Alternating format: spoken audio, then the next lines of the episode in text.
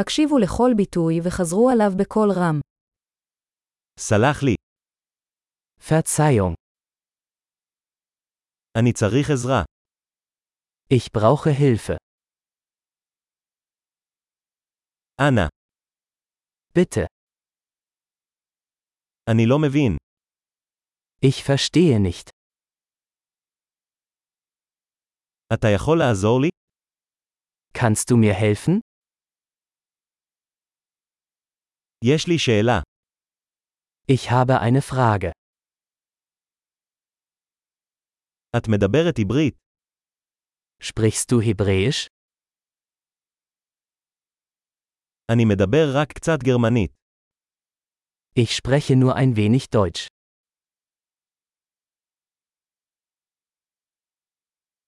תוכל לחזור על זה?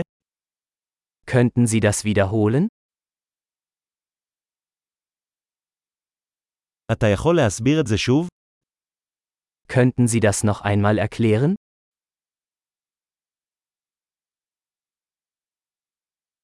אתה יכול לדבר חזק יותר? Könnten Sie lauter sprechen?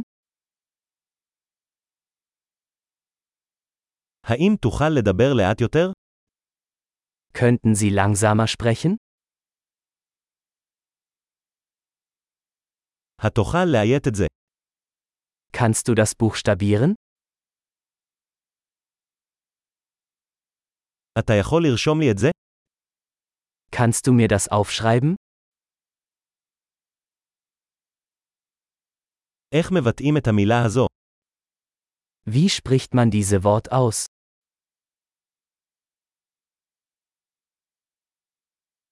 איך קוראים לזה בגרמנית? Wie nennt man das auf Deutsch? גדול, זכור להאזין לפרק זה מספר פעמים כדי לשפר את השמירה. נסיעות שמחות